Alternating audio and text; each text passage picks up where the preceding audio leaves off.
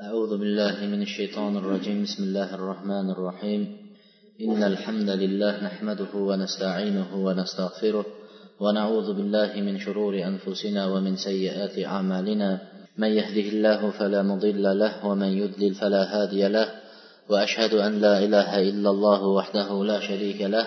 وأشهد أن محمدا عبده ورسوله. أما بعد السلام عليكم ورحمة الله وبركاته. Biz avvalgi darsda ota onaning farzandlarning tepasidagi haqlarini ba'zilariga to'xtaldik. Baholi qudrat e, zarurlariga va eng keraklariga to'xtalib o'tgan bo'lsa kerak undan ham boshqa ota onaning farzand tepasida haqlari qancha gapirsak ozlik qiladi.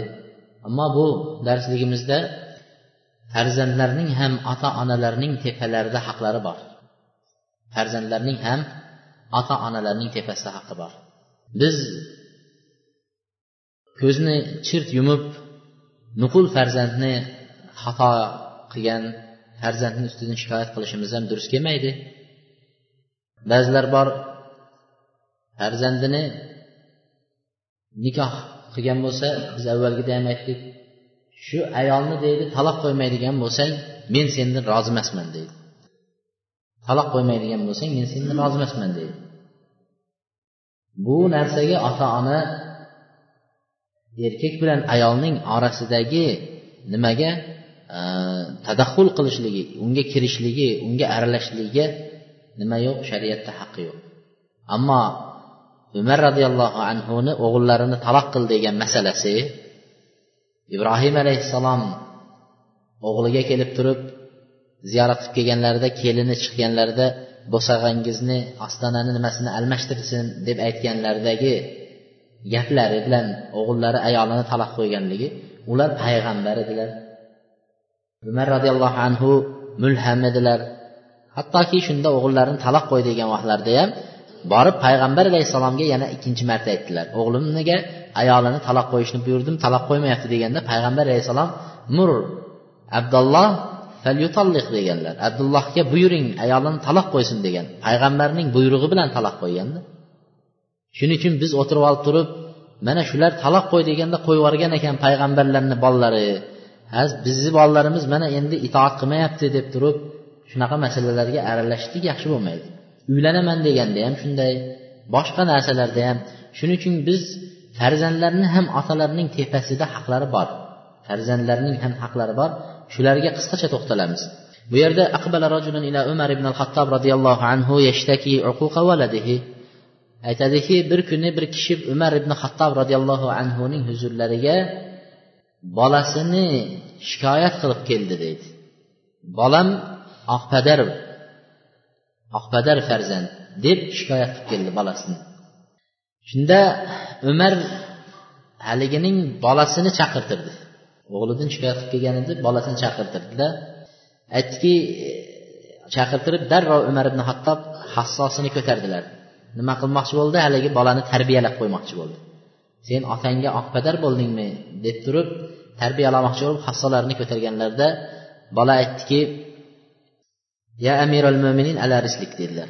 Ey amiril mo'minin ozgina shoshmang dedilar. Ozgina shoshmang. Ma indak? Nima deysan dedilar. Nima demoqchisan deganlarida aytdiki alaysa lil valadi haqqun ala abihi? Farzandni ham bolaning ham otasining tepasida haqlari bormi? dedi. Farzandni ham otaning tepasida haqlari bormi? deganlarida xuddi otani farzand tepasida haqqi bo'lgani singari ota farzandniki ham bormi? deganlarida aytdiki ha dedi. Mening otamning tepasidagi haqlarim nimadir dedi otamdan men talab qiladigan haq nimadir deganlarida umar ibn hattob aytdilarki haqqul valad ala abihi an yuhsina ixtiyara ummi. Farzandning otaning tepasidagi haqqi birinchisi onasini tuzuk ona ixtiyor qilish.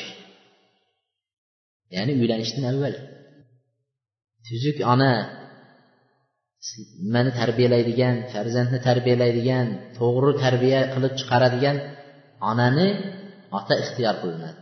Shuni ixtiyor qilish. Ikkinchisi go'zal ism qo'yish. Endi dunyoga birinchi qadam qo'ygan vaqtida. Ikkinchi haq. Go'zal ismni qo'yishligi. Uchinchi haqlari dedilar an qur'on qur'ondan yodlatish o'rgatishligi dedi. Qur'on o'rgatishlik uchta haqni aytdilar. Endi haqlari ko'p lekin umar ibn hattobni shu aytgan so'zlarida uchtasi zikr qilindi shunda bola aytdiki vallohi ya amirul mo'minin inna abi ma faala shay'an min zalika abada. Aytdiki ey amirul mo'minin allohga qasam ichib aytamanki otam mana shu haqlarning uchidan birini ham o'tagani yo'qku dedi. Chunki dedi mening onam dedi aslan ya'ni aqli noqis ayol edi dedi onam. Menga qanday tarbiya bersin o'zi aqli naqis bo'lsa dedi bu otam deydi avvalgi vaqtlarda qullar sotilgan bozorda. Shu bozorga chiqqanda ikki dirhamga degan aqli joyida bo'lmagandan keyin arzonga sotilganda haligi. Cho'ri ayol. Shuni degan shunday sotib oldida olib kelib to'shakda birga bo'ldi va shuni natijasida men sababi bilan dunyoga kelib qoldim dedi.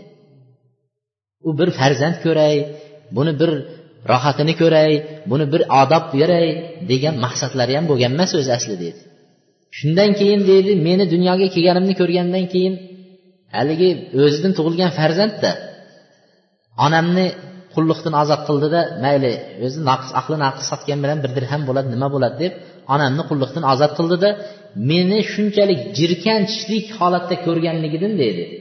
Haligi bir aqli naqsdan tug'ilgan farzand deb otam shunchalik ko'rganligidan menga juala deb ism qo'ydi deydi jula deb tezakning ichi tezak yotaverib otlarning tezagi bir joyda yotaverib ichidan qurtlab ketar ekanda. Shu tezakning qurti degan nom qo'ygan ekanda shunchalik jirkanch nimasidan. Shunchalik ismimni ham yomon ko'rganligidan shunday qo'ydi.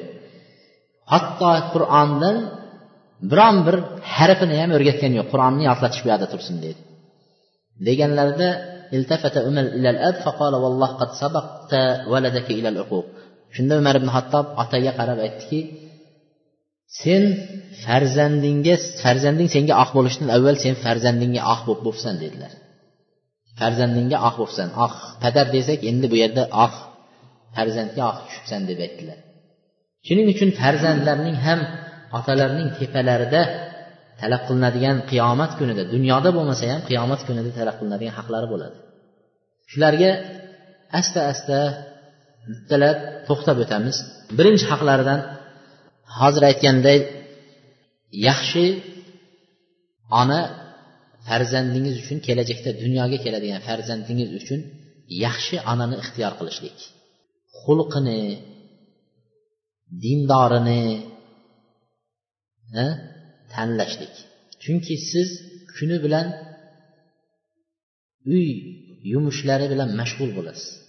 Uyga biror narsa olib kelay uyni u yerini tuzay bu yerini tuzay farzandlarni qornini to'ydiray deb ko'chaga chiqib ketadigan odamsiz. Kechga bir kelasiz. Kuni bilan farzand ona bilan birga o'tiradi. Onada nima narsa bo'lsaki barini farzand shuni oladi. Agar ona oyog'i suyuq bo'lsa farzand ham xuddi shunday bo'ladi. Agar ona og'zi buzuq bo'lsa farzand ham xuddi shunday bo'ladi. Agar ona xulqi buzuq bo'lsa farzand ham xuddi shunday bo'ladi. Ba'zi kishilar bor ko'chada yuraverib ertaman chiqib ketadi tun yarmida kelib uxlaydida azonda yana ertaman chiqib ketadi.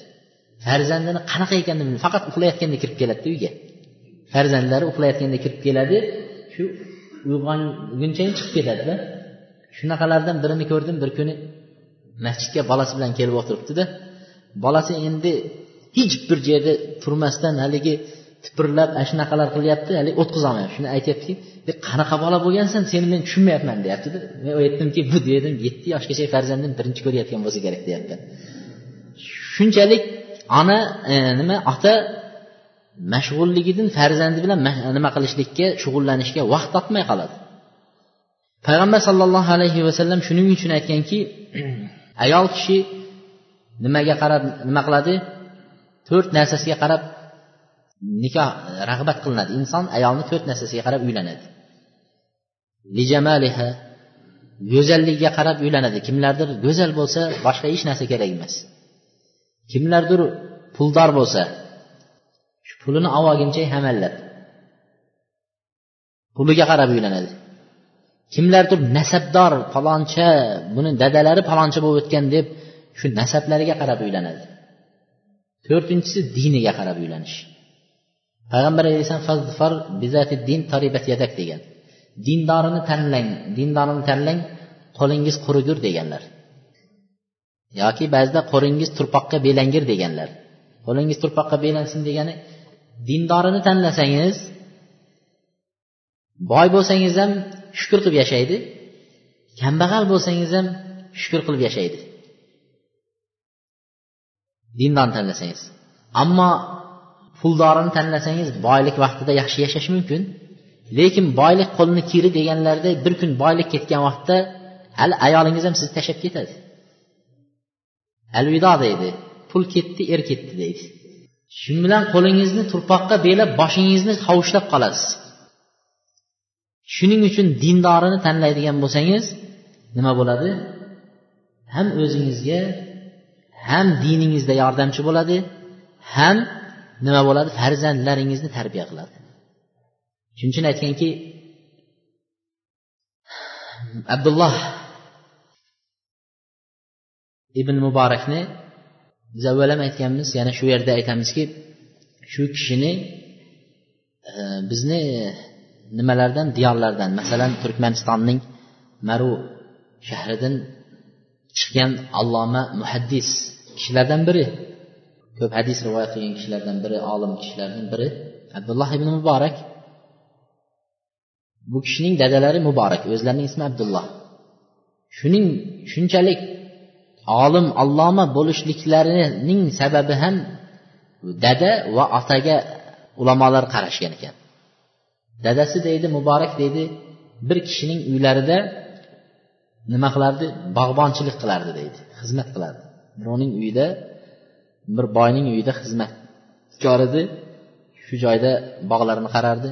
Bir yil ikki yil uch yil qaragan. Bir kuni haligi bog'ning egasi deydilar mehmon bilan bog'iga kirdi. Shunda muborakni chaqirib ey muborak eng shirin mevalardan keltiring deganlarida deydi haligi eng chiroyli mevalarni olib keldi yeb ko'rsa nordan chiqdi deydi. Shirinmas shunda ikkinchi marta buyurdi ikkinchi marta ham shunday olib kelganlarida nordon chiqdi deydi. Uchinchisida bog'bon haligi nimani bog'ni egasini achchiqlari chiqib aytdiki ey muborak necha yildan beri bu yerda ishlaysiz? dedi. Falon yildan beri shu yerda ishlayman dedilar. Siz shuncha yil ishlab turib bog'dagi achchiq meva bilan shirin mevani nordon meva bilan shirin mevani ajrata olmadingizmi? dedi. Deganlarida muborak aytdilarki taqsir siz menga bog'da ishlashni buyurdingiz. Mevalarni tagini yumshatib o'g'itlashni buyurdingiz suv qo'yishni buyurdingiz mevani ta'm totishga buyurmagansiz dedilar. Shuncha yilgina buyog'iga hech mevadan ta'm tortganim yo'q deganlarida buning taqvosiga shunchalik omonatgo'y ekanligiga havas qilib haligini ham haligi dindor qizlari bor edi shu qizini muborakka nima qildilar? Uylantirdi. Muborakka uylantirdi. Shundan tug'ilgan farzand abdulloh bo'ldi. Muhaddis olim allomalardan bo'ldi. Mana olimlarning chiqib kelishligini qaraydigan bo'lsangiz haqiqatdan onalari zo'r tarbiya bergan. Eng tarbiyani eng olim bo'lishga sabab shu bo'lgan.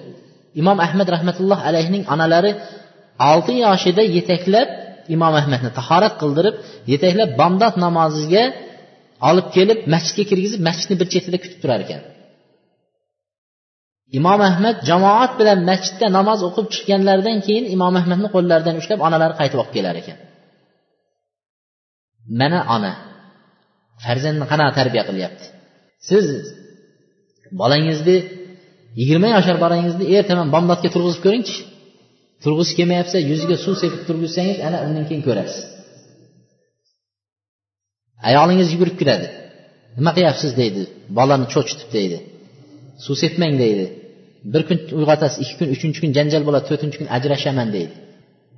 Tarbiya qiladigan ona boshqacha tarbiya qiladi. Allohdan qo'rqadigan farzand har qanaqa ishni allohdan qo'rqqani uchun tark qiladi. Otaning ko'ziga tik qarashlikdan allohdan qo'rqqani uchun qaramaydi. Bo'lmasa qarash oddiy narsa. Yoshi ulg'aygandan keyin kuchi otani kuchi bilan bab barobar bo'ladi. Yoshi kattaygandan keyin jussasi otanikidan ham katta bo'ladi. Misol undan otadan haybat qo'rqish qolmaydi bolada. Faqat allohdan qo'rqqanligi uchun otaga qaramaydi. Otaga til uzatmaydi qo'l uzatmaydi.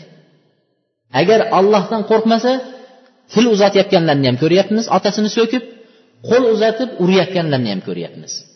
Shuning uchun farzandni boshida allohdan qo'rqadigan qilib tarbiyalab oladigan bo'lsak qarigan vaqtimizda rohatini ko'raverasiz.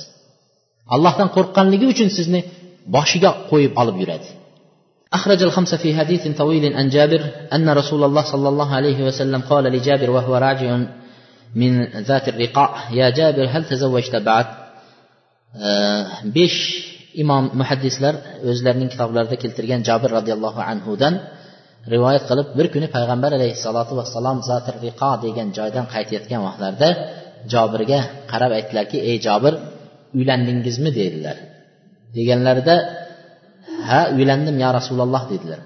Asayyiban av bikron dedi. Juvonga uylandingizmi yoki qizgami? dedilar. Juvonga uylandingizmi yoki qizgami? deganlarida ya rasululloh juvonga uylandim dedilar. Ya'ni erdan chiqqan ayolga.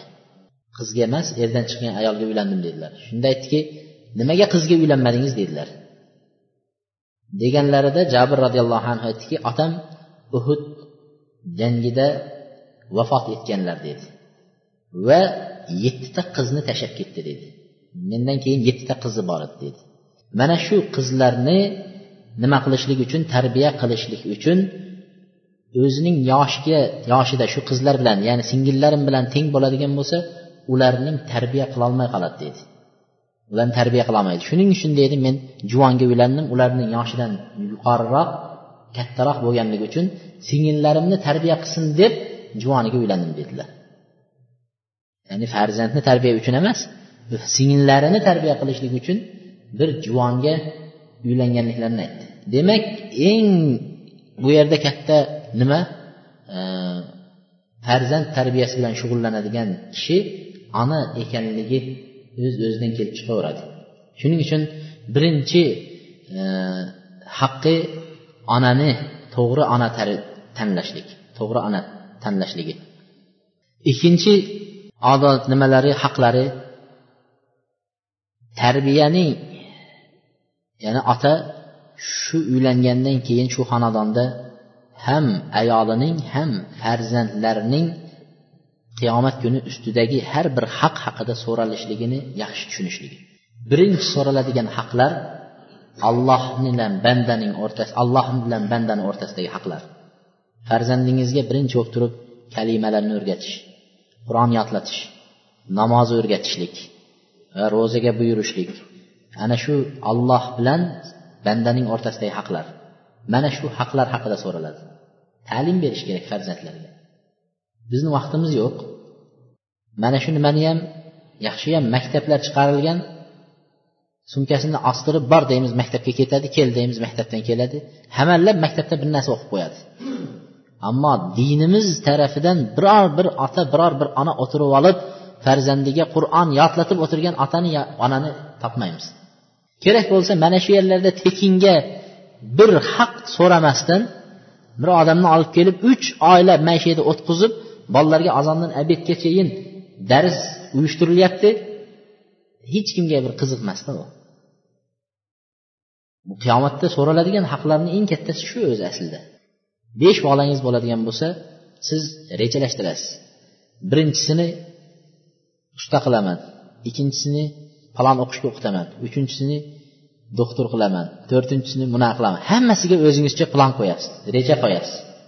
Nima uchun shu besh bolangizni har biriga bunisini bir pora yodlataman bunisiga ikki pora yodlataman bunisiga uch pora yodlataman deb reja qo'ymaysiz. Hech kim qilmaydi. Alloh subhanahu va taolo qur'onda aytyaptiki ya amanu qu anfusakum va ahlikum nara ey iymon keltirgan kishilar sizlar avvalo o'zlaringlarni va ahlinglarni jahannam o'tidan saqlanglar deydi. Ahlinglarni. Ahl deganda oilangiz bolangiz sizni qaramog'ingizdagi kishilarni jahannam o'tidan saqlanglar jahannam o'tini endi alloh taolo qanaqa ekanini aytib deydi. Jahannam o'tining yoqilg'ilari odamlar yonadi u yerda deyapti. Odamlar yonadi va toshlar yonadi deydi. Eng qiyin dahshatli holatni alloh taolo zikr qildi. Alayha malaikatun g'ilazun shidat va u yerda qattiq qo'llik qo'pol daqal farishtalar azob beruvchi farishtalar bo'ladi deydi jahannamda. La yasunalloh ma amarahum va yafaluna ma yumarun alloh buyurgan narsalarga nima qilmaydilar? Allohga osiylik qilmaydi va buyurilgan narsalarni ular bajaradi farishtalar deydi. Mana shunday kundan farzandingni va o'zingizni saqlab qoling deb alloh taolo xitob qildi. Umar ibn umar roziyallohu anhu aytdiki payg'ambar sallallohu alayhi vasallamdan eshitdim deydi kullukum roin va kullukum mas'ulun an raiyati. Har biringlar boshliqsizlar o'zinglarni xonadoninglarda va har bir boshliq o'zining qaramog'idagi kishilar haqida qiyomat kuni so'raladi dedi har bir boshliq o'zining qaramog'idagi kishilarni haqida qiyomatda so'raladi deyapti. Bu yerda uylangandan keyingi uchraydigan ba'zi holatlarni ham zikr qilib ketmoqchimiz. Uylangandan keyin ikkita holat bo'lishligi mumkin. Ba'zi birinchi holat ko'proq nima bo'ladi? Alloh subhanahu va taolo farzand ato etadi. Farzand tug'iladi uylangandan keyin. Bu birinchi holat. U farzandning aqiqasi ismi va farzandning tepasidagi haqlarni zikr qilamiz. Ikkinchi holati ba'zi kishilarda farzand tug'ilmaydi. Farzandsiz bo'lishi mumkin. Mana shu farzandsiz bo'lishi bo'lgan holatlarda bu ham alloh subhanahu va taoloning imtihoni alloh taoloning nimasi e, sinovi deb qabul qilishlik kerak.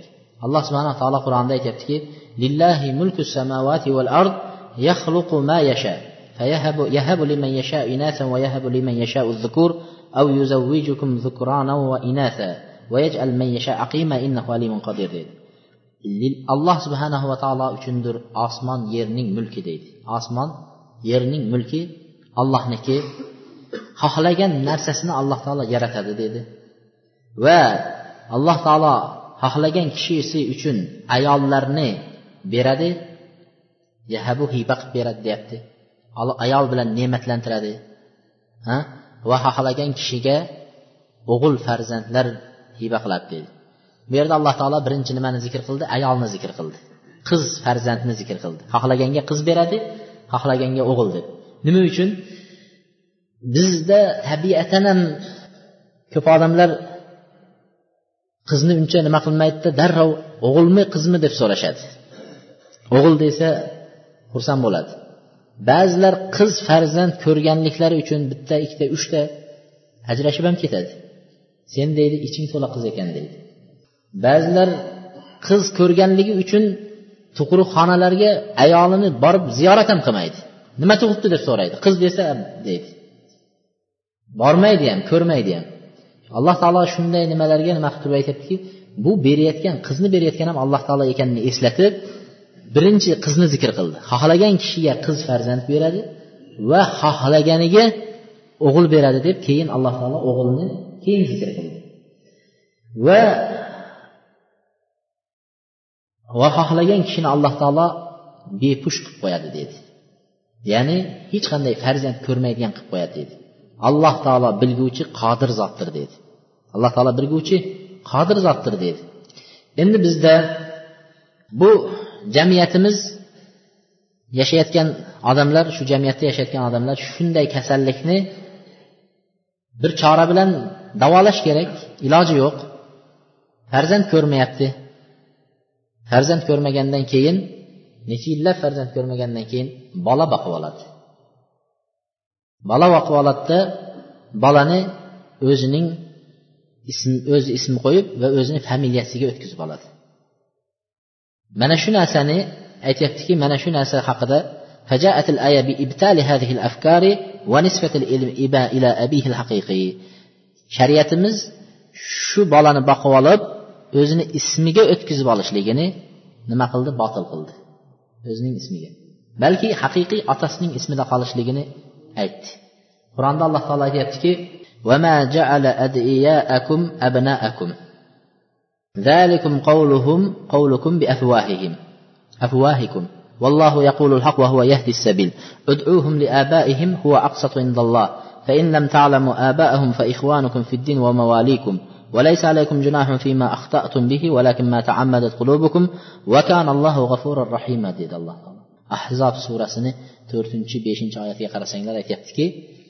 sizlar boqib olgan farzandinglarni deydi o'zinglarni o'g'linglar singari qilib olishlikni alloh taolo yo'l qo'ymadi. O'zinglarni o'g'linglar singari qilib olishni otlarini o'zgartirib familiyalarini o'zgartirib.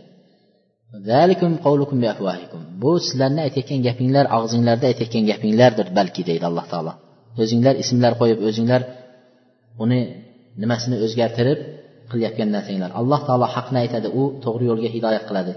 Uni farzandlarini boqib olgan bolalarni o'zlarining otalarining ismi bilan chaqiringlar deydi. O'zlarining otalarini ismi bilan chaqiringlar dedi mana bu allohning huzurida eng to'g'riroq narsadir dedi agar sizlar otalarini bilmasanglar dedi otalarini bilmaydigan bo'lsanglar din dindagi birodarimiz dindagi do'stimiz deb chaqiringlar debdi palonchaning o'g'li paloncha deb chaqirmasdan paloncha birodar deb chaqiringlar deb qo'yapti. Sizlar xato qilib qilgan narsanglarda gunoh yo'qdir lekin qalbinglar bilan qasddan qilgan ishinglarda albatta gunoh yoziladi dedi. Shuning uchun mana bu oyat bizga nima qildi? Farzand boqib olgan odamlar shu farzandlarini o'zlarining ismlarida yoki o'zlarining familiyalarida qolishligini alloh taolo tarbiya qildi ta'lim berdi. Shuning uchun zayd ibn muhammad deyilgan buni bilamizki zaydni nima qilishgan? O'g'irlab ketishgan. Keyin payg'ambar sallallohu alayhi vasallamni huzurlariga kelib qoldi. Payg'ambar alayhissalotu vassalom uni nima qilganlar? Zaydil masruf deb qo'yishadi. O'g'irlangan deyishadi zaydni. Payg'ambar alayhissalotu vassalom baqib oldilar. Baqib olib hamma zayd muhammadni o'g'li deyishardi. Shunda keyin dadalari payg'ambar alayhissalomni huzurida ekanligini bilib zaydni izlab keldilar. Izlab kelganlaridan keyin zayd payg'ambar alayhissalomni ko'rgan muruvvatni payg'ambar alayhissalomdan ko'rgan muomalani ko'rganlaridan keyin hech qayerga ketgisi kelmay qoldi. Dadalari kelib aytdiki zayd biz bilan ketasanmi qolasanmi? deganlarida ixtiyor berdi. Shunda aytdi muhammad alayhissalom bilan qolaman dedilar. Shunda zayd ibn muhammad deb muhammadning o'g'li zayd deb ismlanardi. Alloh subhanava taolo shu narsani nima qildi? Mana shu oyat bilan botil qildi. Muhammadni o'g'li deb ismlamanglar. O'zini dadalarining ismi bilan ismlanglar deganlaridan keyin zayd ibn harisa dedilar.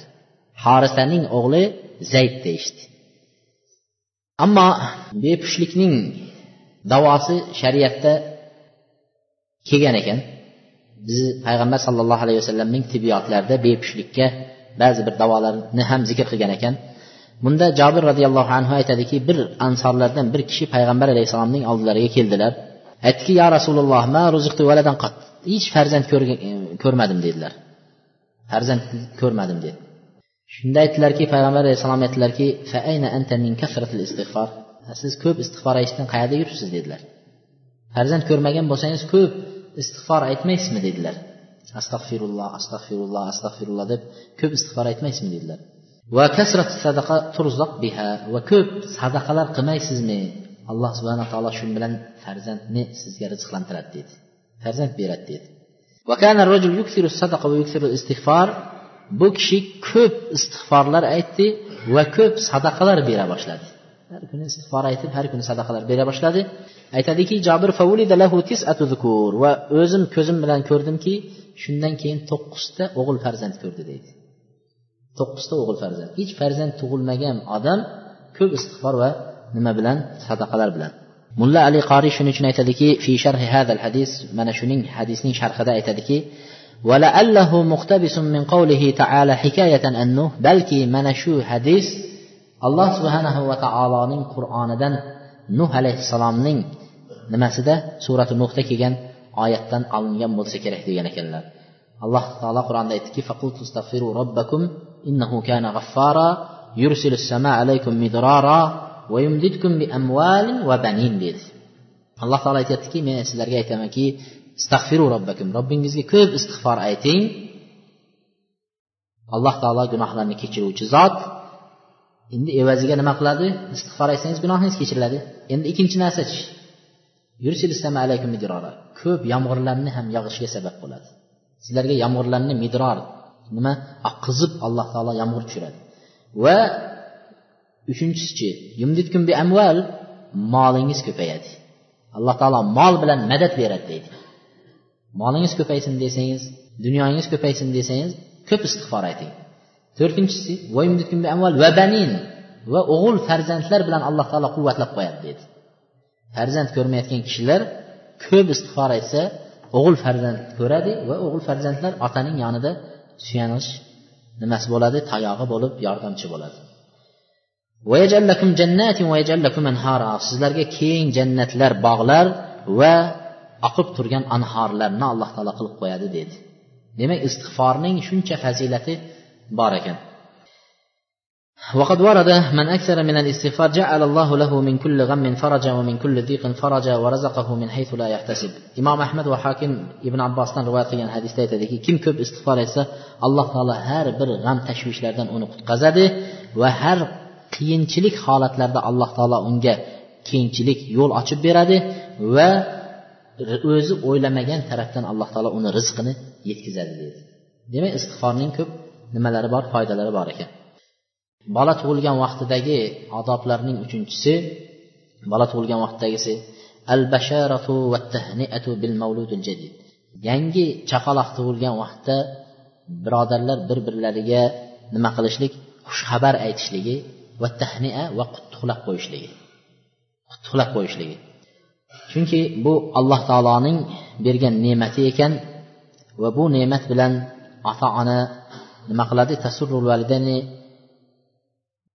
basharatil malaka bihim rasululloh min al bashar va zawjati madomiki bu farzandlar bilan ota ona xursand bo'lar ekan deydi farishtalar ham payg'ambarlarni farzand ko'rishligi bilan xushxabar berib qutlab qo'ygan ekan shularning sunnati bo'lib qolar ekan farishtalarning sunnati payg'ambarlarni ham emas farishtalarni sunnati ekan birovga farzandingiz qutlug' bo'lsin muborak bo'lsin deb turib payg'ambar alayhissalom aytgan duolari bilan duo qilib qo'yasiz mana alloh taolo zakariyoning qissasini aytyapti.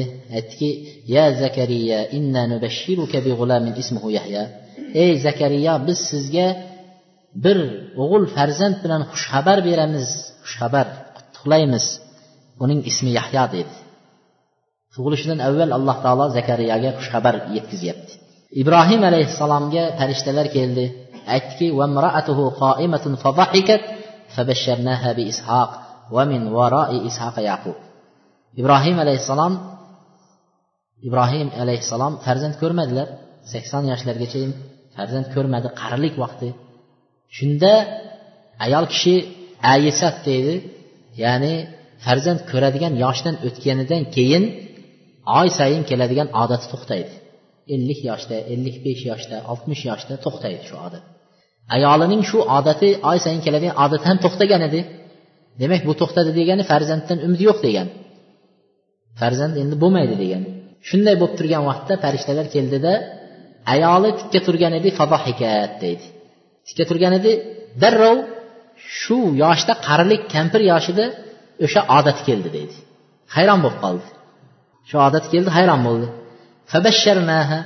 Shu ayolga keyin nima qildi? Farishtalar xushxabar berdi qutlug'lab qo'ydiki ishoq degan farzand bilan rizqlanishligini ishoq degan farzand tug'ilishini xabarini berdilar va uning orqasidan ishoqdan keyin yaqub tug'ilishligini xabarini berdi. Demak xushxabar berishligi yoki bo'lmasa qutlug'lab qo'yishligi bu shariatimizdagi eng sunnat amallar. Xosatan payg'ambar alayhissalotu vassalom o'rgatgan duolar bilan duo qilinishlik. Bir odam farzand ko'rgan bo'lsa burika laka fil mavhub va shakartal vahib va ruziqta birra va balag'a ashudda deb duo qilishlik. Alloh taolo bergan mavhub ya'ni bola bilan alloh barakatli qilsin shu bolani barakatli qilib bersin va allohni bergan zotga shukurlar aytgin shu farzand bergan allohga shukur aytgin va uning ezgulik yaxshi farzand bo'lishligini rizqlantirsin alloh senga. Farzandim deb xursand bo'lsangiz ertagi kuni qon qaqshatib yig'latadigan farzand bo'lsa hech kerak emasda. Shuning uchun ezguligi bilan alloh taolo seni rizqlantirsin. Va yosh ashudda deydi eng nimasiga yetsin? Yigit bo'lib o'spirin bo'lib ulg'aysin kattaysin degan ma'noda duo qilib qo'yilinar ekan. Mana shu payg'ambar alayhissalomni bizga bergan nimalari ta'limlari. Payg'ambar sollallohu alayhi vasallam tug'ilgan vaqtlarida deydi abu lahab abu lahab ga xushxabar berilgan ekan. Abu lahab payg'ambar alayhissalomning amakilaridan xushxabar berilgan vaqtlarida xursand bo'lib ketganlaridan suvayba degan cho'rilarini ozod qilib yuborgan ekanlar. Osha roziyallohu anha agar bir odamning farzand tug'ildi deb xabari kelsalar oysha roziyallohu anhu aytalarkanki o'g'ilmi qizmi deb so'ramas ekanlar. O'g'ilmi qizmi deb so'ramas ekanlar. Aytar ekanki hamma joyi mukammal tug'ildimi der ekan. Hamma joyi to'liq to'kis tug'ildimi der ekan. Naqsi yo'qmi der ekanlar. Yo'q desalar alhamdulillahi robbil alamin deb qo'yar ekan. Allohga hamd sanolar bo'lsin der ekan. O'g'il qiz boshqa u qiziq emas to'liq mukammal kamchiliksiz tug'ilishligi eng muhim narsa. Beshinchisi yo to'rtinchisi e, farzandning tug'ilganidan keyin qilinadigan amallardan to'rtinchisi qulog'iga azon aytishlik qulog'iga azon aytishlik ba'zilar o'ng qulog'iga azon chap qulog'iga qomat aytadi deydi. O'ng qulog'iga azon chap qulog'iga qomat aytadi deydi.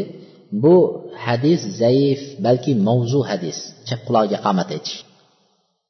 Chap qulog'iga qomat aytishlik mavzu to'qima hadis degani. Odamlar o'zlari to'qib olgan hadislar. Bu e, imom alboniyning zaiful jami degan kitoblarida shuni zikr qilgan. Azon aytishlik qachon bo'ladi? Azon aytish qulog'iga. Ba'zilar bolani der ekan bu yaqinda biz eshitgan narsamiz bolani cho'miltirmay turib azon aytishga bo'lmaydi der ekan. U narsalar yo'q. Azon aytishlik bola tug'ilishi bilanoq onani qarnidan chiqishi bilanoq qulog'iga azon aytilinadi. Bizda bu yerlarda tug'ruqxonalarga kirgizmaydi. Ammo arab davlatlarida bola o'sha tug'ruqxonadan onaning qornidan chiqishi bilanoq bir marta suvga tiqib yuvib nima qiladida o'rab to'g'ri sizni oldingizga olib keladi. Xohla o'zing ayt deydi xohla deydi ana shu doktor o'zi aytib qo'yadi deydi. To'g'ri nima qiladi? Shuning uchun ana shu yerdayoq chiqishi bilanoq qulog'iga azon aytaverasiz. Azon iloji boricha o'sha nima qilinishligi tug'ilish bilanoq aytilinishligi. Endi unga imkoniyat bermasa shu nimadan qo'lingizga olishi bilanoq azon aytaverasiz. Tug'ruqxonadan olib chiqib ketayotganingizdayoq azon aytaverasiz. Azon aytish uchun bir domlani chaqirib kelib unga pul berib osh qilib bir e, yana bir narsalar kiyintirib chopon popon shunaqa qilib azon aytish shart emas har bir kishi o'zini bolasini qo'liga olgandan keyin qulog'iga azon aytib qo'ysa yetadi har bir kishi o'zi aytib qo'ysa yetaveradi. Azon aytgan vaqtda baqirib aytib qulog'ini pardasini ham teshib qo'ymaysiz. Sekin allohu akbar allohu akbar deb sekin aytasiz. Qulog'iga sekin aytib qo'yaverasiz. Mana abu dovud va termiziy abi rofi roziyallohu anhu rivoyat qilgan hadislarda aytadiki roaytu rasululloh sollallohu alayhi vasallam azzana fi uzunil hasan va ibn ali hasan ibn ali hina valadathu fatima. Fotima onalarimiz hasan roziyallohu anhuni tug'ilgan vaqtlarida payg'ambar alayhissalotu vassalom quloqlariga azon aytdi deydi. Qomat aytdi deb kelmagan. Qulog'iga azon aytdi deydilar qaysinisiga bo'lsa ham aytib qo'yaverasiz. O'ngga bo'lsa ham chapiga bo'lsa ham. Bayhaqiy shuabil iymanda iymon degan kitoblarda payg'ambar sallallohu alayhi vasallamni rivoyat qilib kelgan hadislarda من ولد له مولود فأذن في أذنه اليمنى وأقام في أذنه اليسرى لم تضره أم الصبيان degan hadisni keltirgan ekan kimga farzand tug'ilsa o'ng qulog'iga azon chap qulog'iga qomat aytsa jinlar unga zarar yetkazmaydi degan hadisni aytgan shuning uchun bizda mana shu hadisni ushlab shu hadisni ushlaganligi uchun o'ng qulog'iga azon chap qulog'iga qomat degan narsa kelib qolgan bu zaif bo'lganligi uchun biz uni nima qilmaymiz olmaymiz dedik azon va qomat aytishning sirlaridan biri ibn qayyim rahmatulloh alayh tuhfatul mavlud degan kitoblarida tuhfatul mavlud ibn qayyim eng katta olimlardan bo'lgan. Bu kishi qizlarini bir kishi e, uzatganlar shu qizlarining bolalari ya'ni qiz tarafdan nevara ko'rdi. Qiz tarafdan nevara ko'rganlarida ibn qayyim rahmatulloh alayhni haligi bir tabriklaydigan shu bir qutlab bir narsa olib boradigan hech narsasi bo'lmadilar. Haligi nevaraga shu bilan ibn qayyumga nevara ko'rdingiz deganlaridan keyin bir narsa ko'tarib borasiz tabiiy. Shundan keyin shunday o'tirdilarda uyda tuhfatul mavlud tuhfatul mavlud bi ahkamil tuhfatul mavlud bi ahkamil mavlud deydilar. Tuhfatul mavlud bi ahkamil mavlud degan kitob yozdilar. Eng mavdud degani eng suyuklik bag'ri jigarimga hadiya mavludning yangi chaqaloqning hukmlari to'g'risida degan kitob yozdi. Shunday o'tirdida ikki soat uch soatni ichida shu kitobni yozdilarda butun bolaning tug'ilishi ism qo'yishi boshqasi azon aytishi aqiqa qilishi hammasini yozib turib haligi kitob bir kitob bo'lib qoldi. Hanuzgacha shu kitobdan endi nima qilinadi? Foydalanaveradida shu kitobni olib borib turib shuni dadalariga qizlariga hadya qilgan ekan. Kuyov bolalari bilan qizlariga shu kitobni hadya qilgan ekan. haligi hech narsa topolmaganlardi shu kitobda aytadi azon bilan azon aytishning siri nima hikmati nima deganlarda aytgan ekanki أن يكون أول ما يقرأ سمع الإنسان كلماته المتضمنة لكبرياء الرب eng birinchi insonni qulog'iga kiradigan narsa dunyoda dunyoga qadam qo'yib dunyoga chiqib birinchi qulog'iga qulog'ini taqillatadigan narsa alloh taoloning parvardigorning ulug'ligini yuksakligini alloh akbar eng buyuk zot ekanligini eslatib turadigan kalimalar qulog'iga kirishligi degan. Eng birinchi degan. Shuning uchun degan azonni birinchi bo'lib turib hamma narsadan avval quloqga shu azonni aytilinishligi degan. Yana ba'zilar aytganki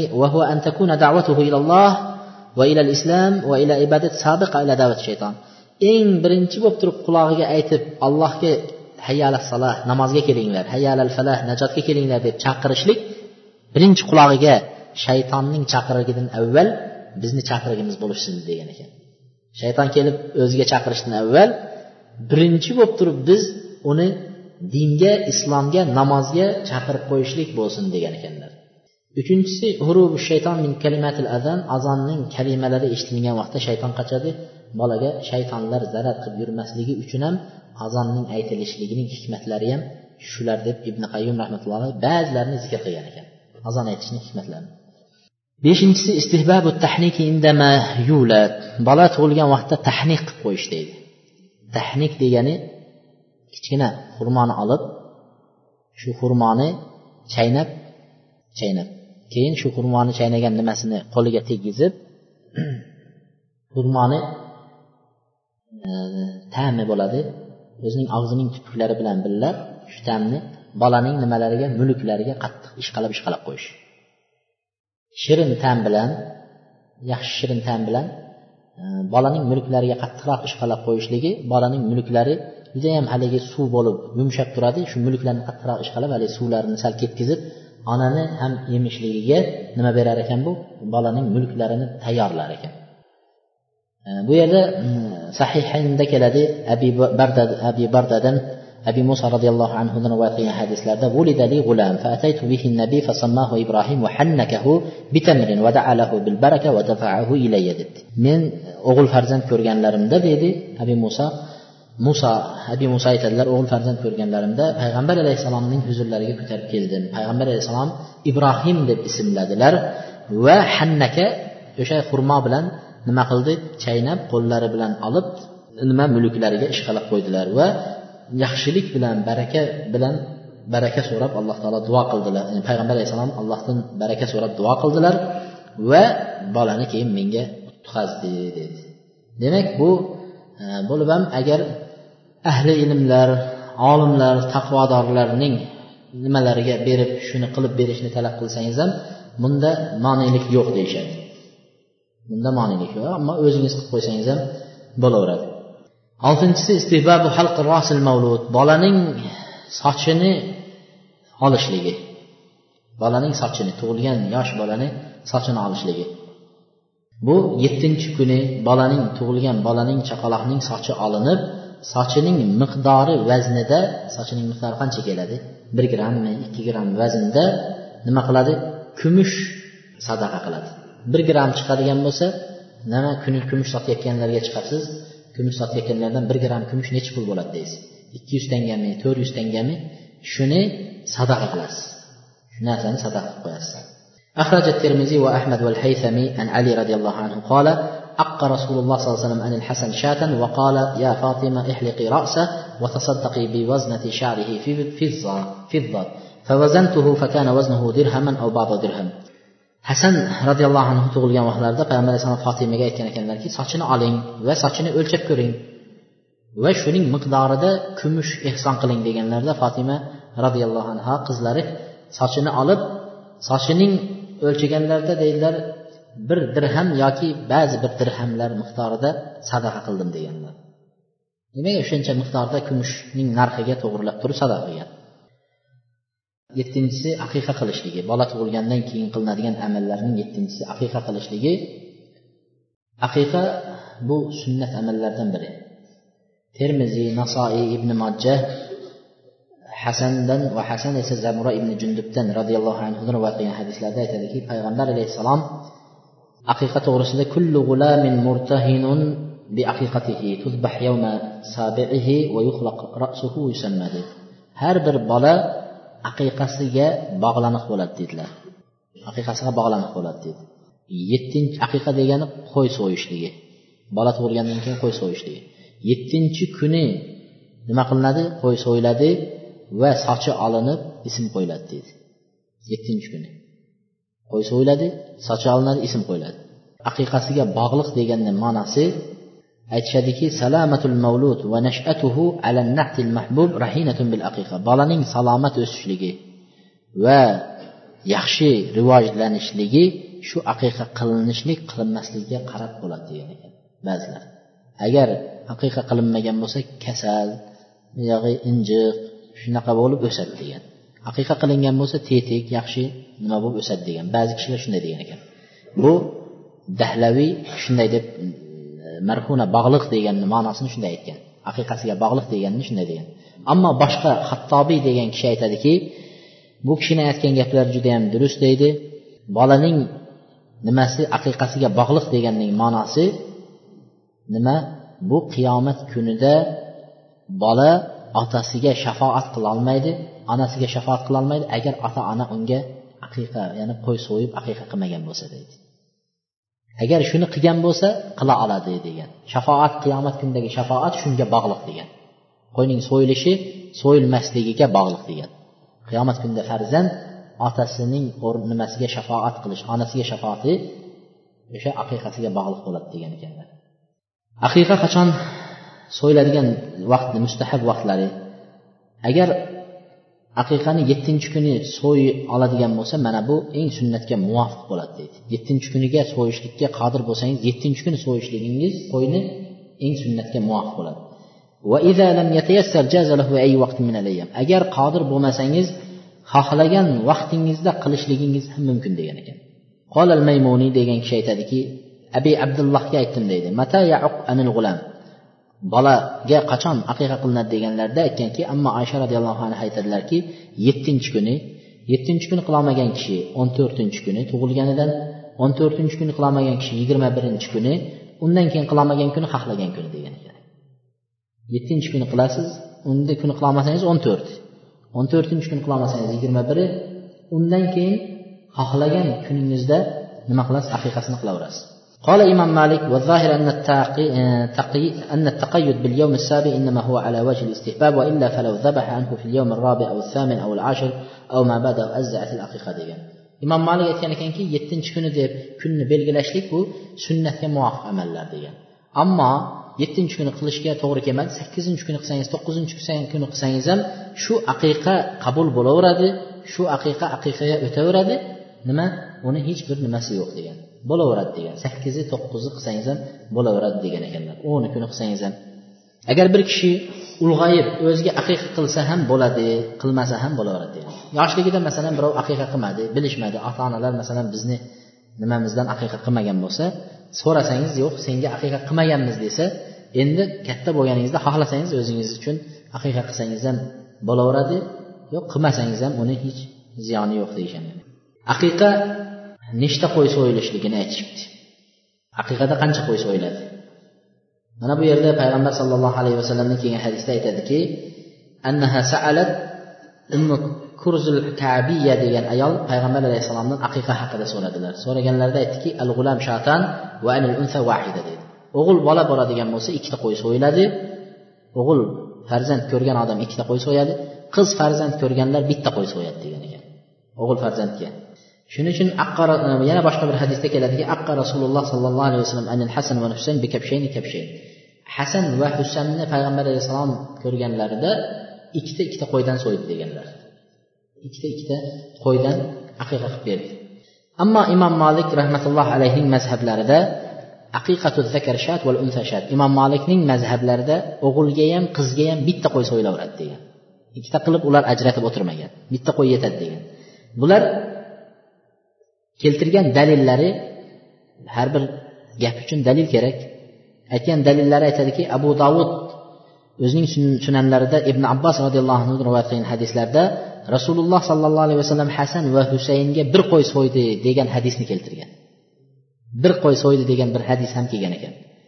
Yana imom molik aytadiki abdulloh ibn umar roziyallohu anhu anil g'ilman val javari min valadihi shatan shat o'g'il va qiz bolalarining har biriga bir qo'ydan so'yardi deb turib keltirgan hadisi bor ekan. Bir qo'y so'yardi deb shuning uchun haligi imom molik rahmatullohi alayh nima qilgan? Faqat bir qo'y so'yishlikni aytgan ekanlar. Rojih qaysi? Endi durustroq qay birini amal qilamiz? Ikki qo'y so'yamizmi bir qo'y so'yamizmi? O'g'il farzand ko'rib qoldingiz masalan. Ikki qo'y so'yamizmi bir qo'y so'yamizmi desa aytadiki ibn qayyum rahmatulloh aytadiki حادث الشاتين عن الذكر والشات عن الأنثى أولى. haligi o'g'ilga ikkita qo'y qizga bitta qo'y so'yishlik mana shu hadis eng oliysidir eng yaxshisidir deydi eng durusidir deydi birinchidan deydi bu hadis juda ko'p kishilar rivoyat qilgan bu hadisni deydi juda ko'p kishilar rivoyat qilganligi uchun deydi ikkinchidan annaha ahadisu shat min nabiy. Payg'ambar alayhissalom bir qo'y so'ydi deganligi payg'ambar alayhissalomning fe'li deydi qilgan ishi deydi. Ammo ikki qo'y so'ydi deganlari payg'ambar alayhissalomning nimalari? E, gaplari deydi ahadi hadislari gaplari. Va payg'ambar alayhissalomning gaplari fe'lidan muqaddam turadi degan ekanlar. Fe'lidan muqaddam turadi degan. Fe'li esa payg'ambar alayhissalom qilganligi mumkin. Bu payg'ambar alayhissalomni o'ziga xos bo'lishi mumkin. Shuning uchun gaplari umumiy bo'lganligidan gaplarini olamiz degan. Lekin ba'zi ulamolar aytishadi ba'zi ulamolar tafsir qilgan ekan. Bir qo'y so'yish ikki qo'y so'yishni aytgan ekanki ba'zi olimlar agar kim degan ekan o'ziga yetarlik o'ziga to'q boy badavlat yaxshi bir xonadon bo'lsa alloh taolo o'g'il farzand bersa nima qilsin degan ikki qo'y so'ygani afzal degan. Ikki qo'y so'ygani. Haligi yuqoridagi hadis ikki qo'y degan hadisga amal qil. Agar kim kambag'al o'ziga yetarli emas. Ya'ni mablag'i ham boyagi o'lchovliq faqir kirimi ham shunaqa bo'ladigan bo'lsa u bir qo'y so'ysa ham o'zining nimasiga qarab kuchiga quvvati qudratiga qarab so'yyapti.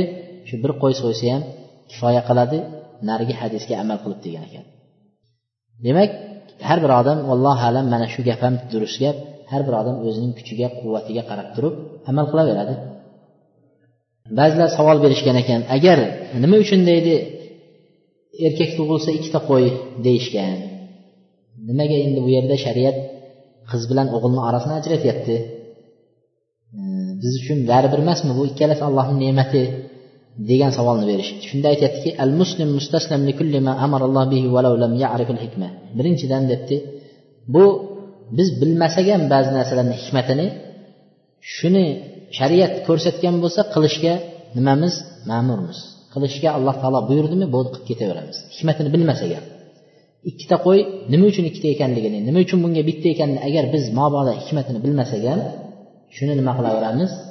Qilib ketaveramiz hikmatini bilmasak ham xuddi misol namozlarni nima uchun besh vaqt nimaga olti vaqt ekanligini biz bilmaymiz. Alloh taolo besh vaqt deydi besh vaqt o'qiymiz. Uni hikmati nima ekanini biz bilmaymiz.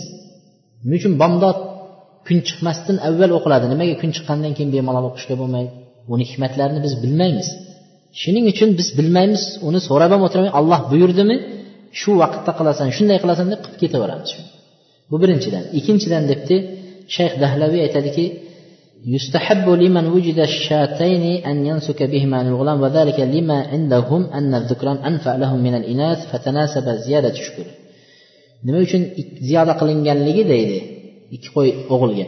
O'g'il farzand ko'proq ota va onaga yordamchi bo'ladi qizdan ko'ra debdi.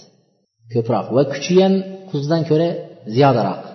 Shuning uchun uning foydasi ko'proq xonadonga tegganligidan e'tibor qilinib turib shukurni ham ziyodasi ko'proq bo'ladi degan. Allohga shukur qilish ziyodasi ham ko'proq bo'lib bir qo'y emas endi endi ikki qo'yga o'tadi degan. Shuni hikmatga nima qilishgan ekan zikr qilib o'tgan ekan. Aqiqa kelgan kishilar qo'y so'yib farzandlardan aqiqa kelgan kishilar aqiqaning suyaklarini sindirmasligi afzal degan ekan. Aqiqa qilgan vaqtingizda qo'yni suyaklarini o'zini ajraladigan bo'g'inlaridan ajratib nima qilasiz? Ajratib ovqatga e, solasiz. Uni boltalab suyaklarini kesmaganingiz nimadir bu afzal. Ammo kesib nima qilsangiz unda nima yo'q? Bu bu yerda afzal afzal emas degan narsani aytyapmiz xolos. shuni nima qilishlik payg'ambar alayhissalom aytganki uning suyaklarini sindirmanglar degan so'yilgan qo'yni suyaklarini sindirmanglar وروى ابن جرير أن عطاء كان يقول تقطع جدولة أي تقطع أعضاء ولا يكسر لها أذن a'zolari kesilgan vaqtda qo'yni o'sha bo'g'inlardan kesiladi uni suyaklari sindirilmaydi degan ekanlar suyaklarni sindirilmasligining hikmatlari bolaning suyaklari sindirilmagan holatda salomat o'ssin degan bir yaxshilik Tafovul bor ekan yaxshilik gumon o'y. Ikkinchisi boya suyaklari sindirilmasin bo'g'in bo'g'ini bilan tashlansin degani bola xuddi haligi saxovatlik bo'lsin bir yaxshi bir e, saxiy kishilardan bo'lsin degan ma'noda ham nima qilishgan ekan? Shuni e, umidida qilishgan ekan. Aqiqada sherik bo'lib turib aqiqa qilsa bo'ladimi yo'qmi deydi. Masalan qurbonlik qiladigan bo'lsangiz qurbonlikda nima qilasiz? Yetti kishi bitta molga bir nimaga tuyani olib turib so'ysangiz o'sha yetti odamga o'tib ketaveradi. Shunga o'xshab men farzand ko'rdim yana bittasi kutib yurib yetti odam bo'lib yettita odam farzand ko'rgandan keyin jamlanib turib bitta mol olib yoki bir tuya olib aqiqa qilsa bo'ladimi yo'qmi deydida. Sherik bo'lib. Bu e, jamlanib qilishlik aqiqada durust emas degan ekan. Jamlanib qilishlik qurbonlikka o'xshab qilishlik durust emas yo o'sha nima qilasiz qo'yni o'zini qilasiz qurbonlik yoki bo'lmasa bitta tuya bo'lsin bitta nima mol bo'lsin bitta o'zingiz olib bitta bitta bola uchun qurbonlik qilasiz ikkitaga o'tmaydi يصح أن يذبح عن الغنم بالإبل أو البقر بشرط أن يكون الذبح بأحدهما aqiqa vaqtida bizda yuqorida keldiki nima qo'y so'yishlik keldi qo'y so'yish bu yerda aytadiki tuya so'ysa yoki mol so'ysa sigir so'ysa ham shu o'taveradi faqat bitta bola uchun o'tadi deydi bu ba'zi bir olimlarning gaplari لما روى ابن قيم عن انس بن مالك انه كان يعق عن ولده بالجزور anas ibn molik farzandlariga nima so'ygan ekanlar tuya so'yganlar farzandlariga aqiqasiga tuya so'ygan ekanlar abi bakr aytadiki annahu nahara an ibnihi abdurahmon juzuran abi bakr o'zini o'g'illari abdurahmonni nima qilganlar tug'ilganlarida u ham tuya so'yganlar deydi. Va basra ahlini shu bilan ovqatlantirdi degan. Bularning dalillari payg'ambar alayhissalotu vassalomning bir hadisini nima qilganlar? Payg'ambar alayhissalomni bir hadisini dalil qilganlar. Bu hadis ibn munzir payg'ambar alayhissalomni rivoyat qilgan hadisda maal g'ulam aqiqa ahriqu anhu dama. Har bir farzand tug'ilganda aqiqa qilinadi. Va undan qonni oqqizinglar degan hadisni keltirib bu yerda qon deb aytdi qonni qo'yni qoni molni qoni tuyani qoni deb aytmadi degan. Qon deb aytib qo'ya qoldi deb shuni dalil qilib turib aytishgan ekanki qanday narsa so'ysa ham nima qilaveradi? Sigir bo'lsin tuya bo'lsin qo'y bo'lsin bo'laveradi degan. Lekin ba'zi kishilar faqatgina qo'yni o'ziga kifoya qiladi boshqa narsa o'tmaydi degan nimaga? Yuqorida o'g'il farzand uchun bir qo'y ikki qo'y qiz farzand uchun bir qo'y deb qo'y deb keltirganligi uchun qo'ygina o'tadi deb turib keltirgan ekan. Vallohu alam qaysinisini qilsangiz ham joiz bo'lsa kerak. Ikkalovlariga ham nima kelgan? Dalillar kelgan ekan. To'qqizinchi odoblarga keldik hozir. To'qqizinchisi bola tug'ilgandan keyin go'zal ism qo'yishlik ham nimaning haqqi? Bolaning otaning tepasidagi haqlar. Go'zal ism qo'yish. Biz inshaalloh keyingisida shu ismlarga to'xtalib o'tamiz. u ham o'zi bir darslikni nima qiladi oladi vallohu alam shu bilan bugungi darsligimizga yakun yasaymiz xufton vaqti bo'lganligi sababdan سبحانك اللهم وبحمدك استغفر الله واتوب اليك